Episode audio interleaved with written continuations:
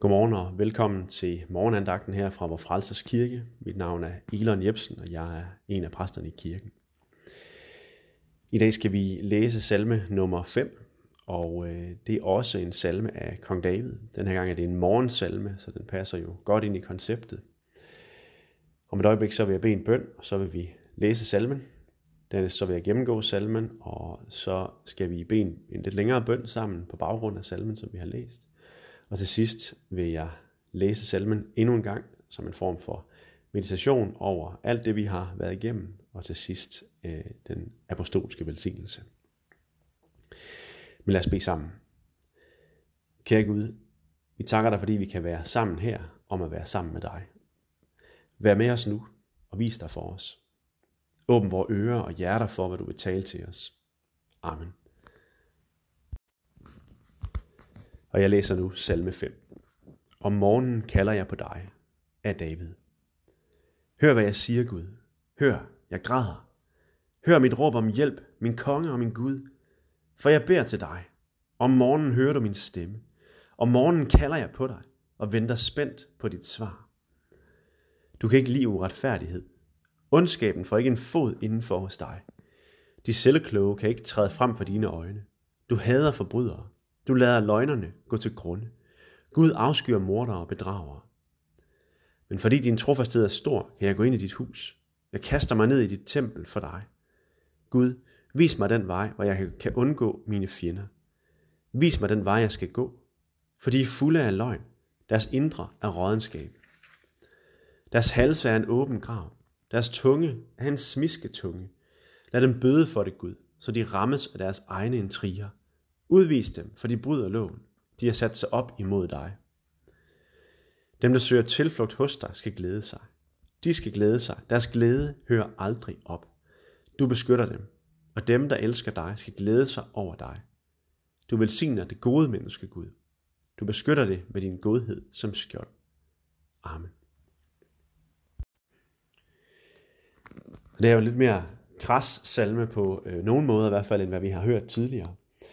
Og det er salmebogen altså også øh, øh, fuld af, må vi sige. Øh, de her øh, meget, meget, meget øh, tydelige henvendelser til Gud. Øh, tydeligt sådan øh, syn på, hvem der fortjener Guds velsignelse, og hvem der ikke gør.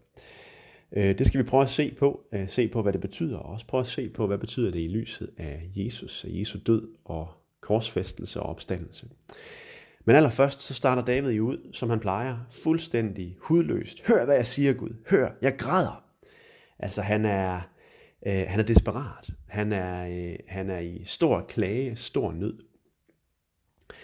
Og der er løgnere, som øh, prøver på at, at øh, sprede øh, et eller andet budskab om David, som ikke passer. De prøver på at få ham ned med nakken på at bagtale ham, og, øh, og på den måde skabe et dårligt rygte om ham, og vende mennesker og øh, landet i det hele taget væk fra ham. Det er formentlig det, der, der foregår her. Der går han altså, han gør det rigtigt, kan man sige. Han går til den eneste, som kan redde ham, nemlig Gud.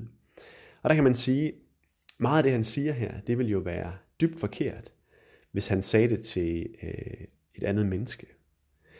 Men fordi han bringer det til Gud, så kan man sige, så er det faktisk det rigtige sted at komme af med det. Den her både desperation, men også vrede, som vi jo meget tydeligt møder. Bring den til Gud, og det er allerede der, han er et godt forbillede for os. Fordi Bibelen er meget tydelig omkring bagtagelse, at det er noget, Gud bestemt ikke har behag i at øh, i Jakobsbrevet i det nye testamente øh, er der tale om tungen som en, som en ild, altså der sætter selv de, de største øh, skove i brand, eller som et lille ror, som kan styre selv det største skib. Så hvis vi bruger vores tunge forkert, så kan det øh, sætte os fuldstændig ud af kurs, eller det kan sætte ild i alting, som egentlig øh, slet ikke skulle have været ild i, osv. osv. Øh, men her gør David altså det her, det er et godt eksempel for os. Han kommer til Gud fuldstændig hudløs, fuldstændig ærlig og siger, hjælp mig Gud, for jeg beder til dig. Om morgenen hører du min stemme. Om morgenen kalder jeg på dig og venter spændt på dit svar. Der har vi ham lige igen, øh, hvor han minder Gud om, at han faktisk er her nu. At han er en, som søger Gud.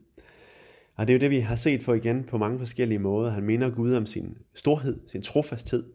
Øh, han øh, minder Gud om, at han har mange fjender, som siger om ham, at, at, at mig redder Gud ikke. Men sådan er det ikke. fordi du er den, der redder mig. Du er mit skjold.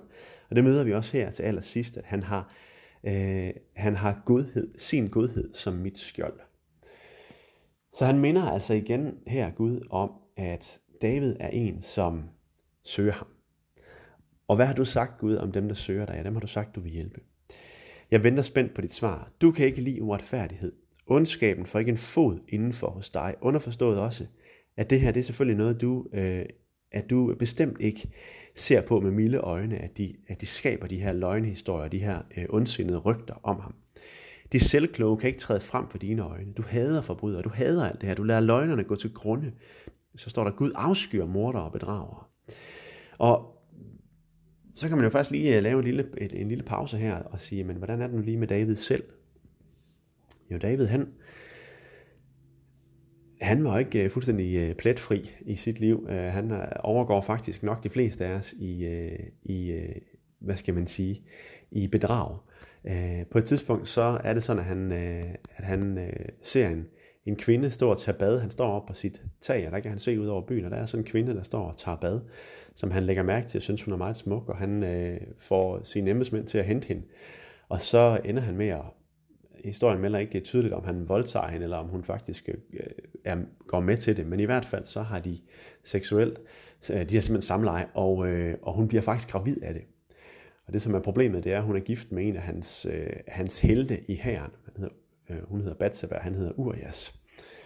Og, øh, og der ender David faktisk for at skjule det her, at han har gjort hans kone gravid med at slå Urias ihjel. Så Gud afskyer mordere og bedragere. Ja, han afskyer i hvert fald mor og bedrageri. Men spørgsmålet er, om ikke det er tvækket svært, når han står og siger det her, for det betyder jo også, at det rammer ham selv. Ikke? Lad os se lidt mere på, hvordan det kan, kan hænge sammen. Men fordi din trofasthed er stor, så kan jeg gå ind i dit hus jeg kaster mig ned i dit tempel for dig her, fordi din trofasthed er stor, Gud. Ja, så kan man måske sige, så kan selv jeg gå ind i dit hus. Så jeg er ikke, øh, det er ikke tydeligt øh, fra salmen her, om den er fra før det her med Batseba, eller den er, øh, den er efter. Men i hvert fald så, så kan man sige, ja, fordi Guds trofasthed er stor, så kan han gå ind i Guds hus. Også selvom han faktisk også er en morder og en bedrager. Det gælder jo så også alle de andre. Men det som David han gør rigtigt, i alt det her meget forfærdelige, han jo faktisk gør, det er virkelig forfærdeligt, det er, at han omvender sig fra det. Og der kan man sige, det er i hvert fald noget af humlen her også. Du kan ikke lide uretfærdighed. Ondskaben får ikke en fod inden for hos dig. Nej, og i særdeleshed ikke, hvis ikke man omvender sig. Så selv morderen og bedrageren, og det øh, kan man sige, nu taler vi om, om det værste, jeg, jeg sådan lige kan komme i tanke om her. Øh, og det betyder jo, at alt, hvad der er mindre forfærdeligt end det, ja, det er der også tilgivelse for hos Gud. Så uanset hvad du har gjort, eller hvad jeg har gjort, ja så, fordi Guds trofasthed er stor, så kan vi gå ind i hans hus. Så kan vi kaste os ned i hans hemmelige, hellige tempel. Og faktisk regne med, at han tager imod os, og han lytter til os. Og så beder David her en flot bøn. Gud, vis mig den vej, hvor jeg kan undgå mine fjender. Hjælp mig. Vis mig den vej, jeg skal gå. Hjælp mig. Hvordan gør jeg det her? Hvordan takler jeg det her rigtigt? Og der har du det jo igen, uanset hvad for en situation du eller jeg står i så er det rigtige sted at gå hen. Det er ikke til øh, en eller anden kollega at tale om, hvor, øh, hvor træls det også er med de der dumme mennesker, der gør sådan og sådan, eller den der anden kollega, der også bare er så, så irriterende og spreder alt det, og det er løgn, og jeg ved ikke hvad. Når det rigtige sted, det er at gå til Gud, til hans hellige tempel, til hans ansigt.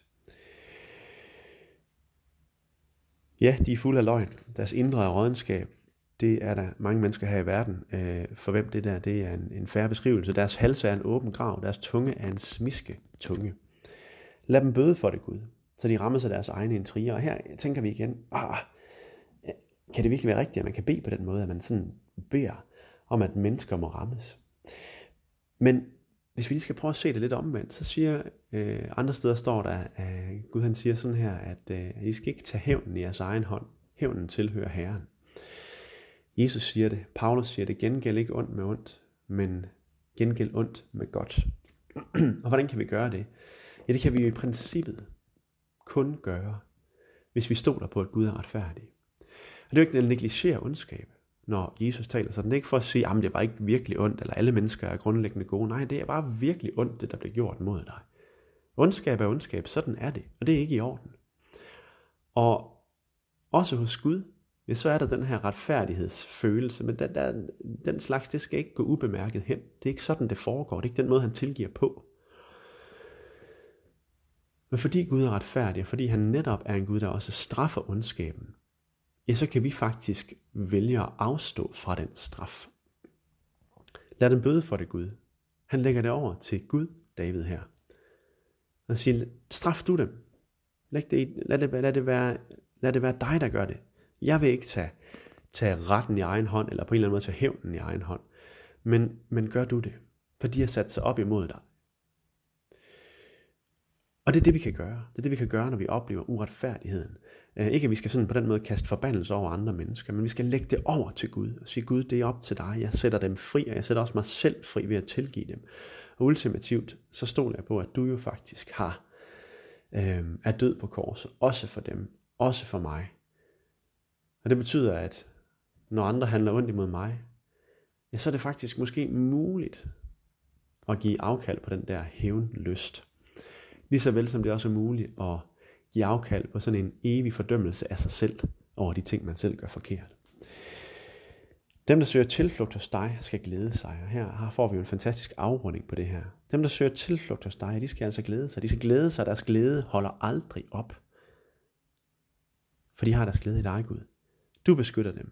De kan vide, at hos dig er det bare godt. Hos dig er det godt at være. Din godhed er der. Og dem, der elsker dig, skal glæde sig over dig. Du velsigner det gode menneske, Gud. Du velsigner den retfærdige. Sådan står der i den anden øh, oversættelse. Og det fik mig til at tænke på øh, det her sted, også fra Jakobsbrevet, kapitel 5, vers 16, hvor, hvor der står, øh, at en retfærdig spønd formår meget stærk, som den er. Og der, der er jo det her lidt underlige, i hvert fald underligt for os lutherske, ikke? fordi har, vi har svært ved at være i, at der er forskel på, om man lever retfærdigt eller ej, ind for Gud. Altså, om hvorvidt han, han faktisk hører ens bønder. Der er et eller andet med, at, at vores sønder, de, øh, de skubber os væk fra Gud, eller de afholder i hvert fald Guds velsignelse fra at flyde i vores liv. Profeten Esajas har øh, også en tydelig beskrivelse af det. Netop det der, men det er ikke fordi Gud han er for døv til at høre jeres bønder. Nej, det er jeres sønder, der afholder jer fra ham. Øh, og her er det altså det omvendte. Du velsigner det menneske, som faktisk virkelig søger at gøre det gode Gud. Men hvis vi læste der i øh, uh, Jakobsbrevet kapitel 5, vers 16, så er det, det er den sidste del af verset, jeg lige læste fra. Den første del, den handler om synd. Der står sådan her, bekend derfor jeres synder for hinanden, og bed for hinanden, om at I må blive helbredt. Så bekend jeres synder, det starter der. For en retfærdig spønd formår meget stærkt, som den er. Så der er altså et eller andet med, at retfærdigheden også er noget, der kommer til os, når vi netop bekender vores synder. Og det var det, som var Davids øh, sådan konstante øh, hvad skal man sige, det, det var det, der ligesom var, var det der, der viste, at han virkelig havde et hjerte, som var efter Guds vilje. Ikke? At han, han omvendte sig med det samme. Med det samme, han blev bevidst om sin synd, og blev ramt af den. Ja, så, så, så, så, øh, Øh, så tøvede han ikke et øjeblik. Han kastede sig ned og sagde, Gud tilgiv mig, tag ikke din ånd fra mig, men, men rens mig fra synd. Åh, øh, før mig tilbage til dig, jeg vil leve for dig, jeg vil tjene dig. Og det er altså det samme, vi kan gøre. Så velsigner Gud os, når vi lever der. Det er ikke et spørgsmål om, vi skal være syndfri. Det er et spørgsmål om, vi skal erkende det. Og hele tiden være villige til at vende os om. Vende os til Gud. For så vil han beskytte os med sin godhed som skjold. Amen. Og lad os bede sammen. Jeg tror, vi, vi, øh, vi læser ikke salmen igen, fordi vi fik en, en øh, meget fyldig gennemgang her. Øh, men vi beder sammen, og øh, så vil jeg slutte af med øh, den apostolske velsignelse. Kære Gud, tak fordi, at du er med os. Du er med os her fra morgenen af. Du øh, hører vores råb om hjælp, hvis det er det, vi er fyldt af. Øh, råb om hjælp midt i coronatiden her. Hvad end øh, vores hjerte må være ængstelig over, så hjælp os, og så vær hos os. Og så øh, er du her bare. Du er nær ved os. Vi kan komme ind for dit hellige tempel og kaste os ned for dit ansigt. Og det er det, vi har gjort og fortsat vil gøre her den her morgen. Her. Vi vil påkalde dit navn, og vi vil bede om din velsignelse over vores dag. Bede om din velsignelse over vores liv, og vores families liv, vores kæres liv og vores by. I Jesu Kristi navn. Gud, åbenbar dig for os. Vær hos os. Velsign os. Bryd igennem, Herre. Øh, vi beder dig for dem, som vi kender, som er lovbrydere, eller som er mordere, eller bedragere, eller løgnere, eller hvad det nu måtte være, men som på en eller anden måde må passe på alt det, som David har beskrevet her. Vi beder dig om, at du må hjælpe os til at tilgive dem. Hvis det er os selv, vi tænker på, så hjælp os også at tilgive os selv. Og tilgive os, Gud. Tilgive os, for hvad vi, hvad vi er fyldt af. Tilgive os, når vi falder. Tilgive os, når vi rammer ved siden af og styrer skibet øh, på grund. Gud, tak, at du er trofast, også mod os. Så velsign den her dag for os, og øh, fyld den med dit nærvær og din godhed som skjold. Amen.